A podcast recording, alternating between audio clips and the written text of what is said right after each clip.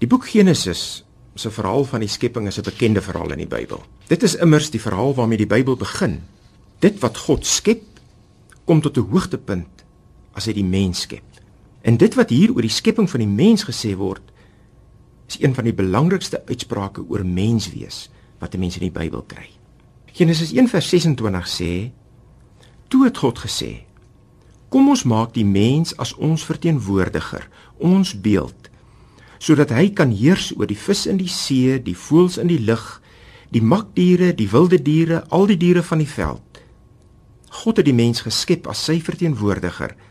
As beeld van God het hy die mens geskep. Man en vrou het hy hulle geskep. Aan die een kant is die verhaal van die skepping van die mens een wat 'n mens nederig maak. Die mens is nie al wat geskep word op die 6de dag nie. Daar is nie 'n spesiale skepingsdag op sy gesit net vir die skepping van die mens nie. Die mens word sommer so saam met al die ander diere van die veld geskep. Maar tog is die skepping van die mens ook iets baie spesiaals. Dis net by die skepping van die mens waar God as dit ware eers met homself praat. Dit is net van die mens van wie daar gesê word dat die mens geskep is na die beeld van God. Hierdie kort weergawe van die skepping van die mens beklemtoon twee sake. 1. Die skepping van die mens sê vir ons daar is 'n verband tussen God en mens.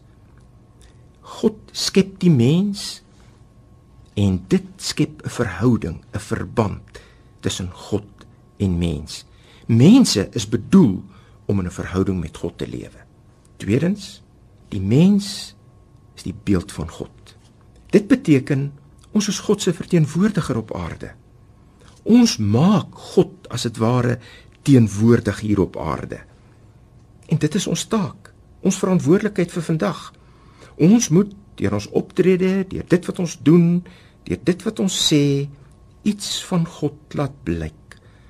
God moet deursigtig word in ons handel en ons wandel, in die woorde wat ons sê en die dinge wat ons doen. Wanneer dit gebeur, word dit beter rondom ons. Kom ons wees wat ons bedoel is om te wees. Beeld van God.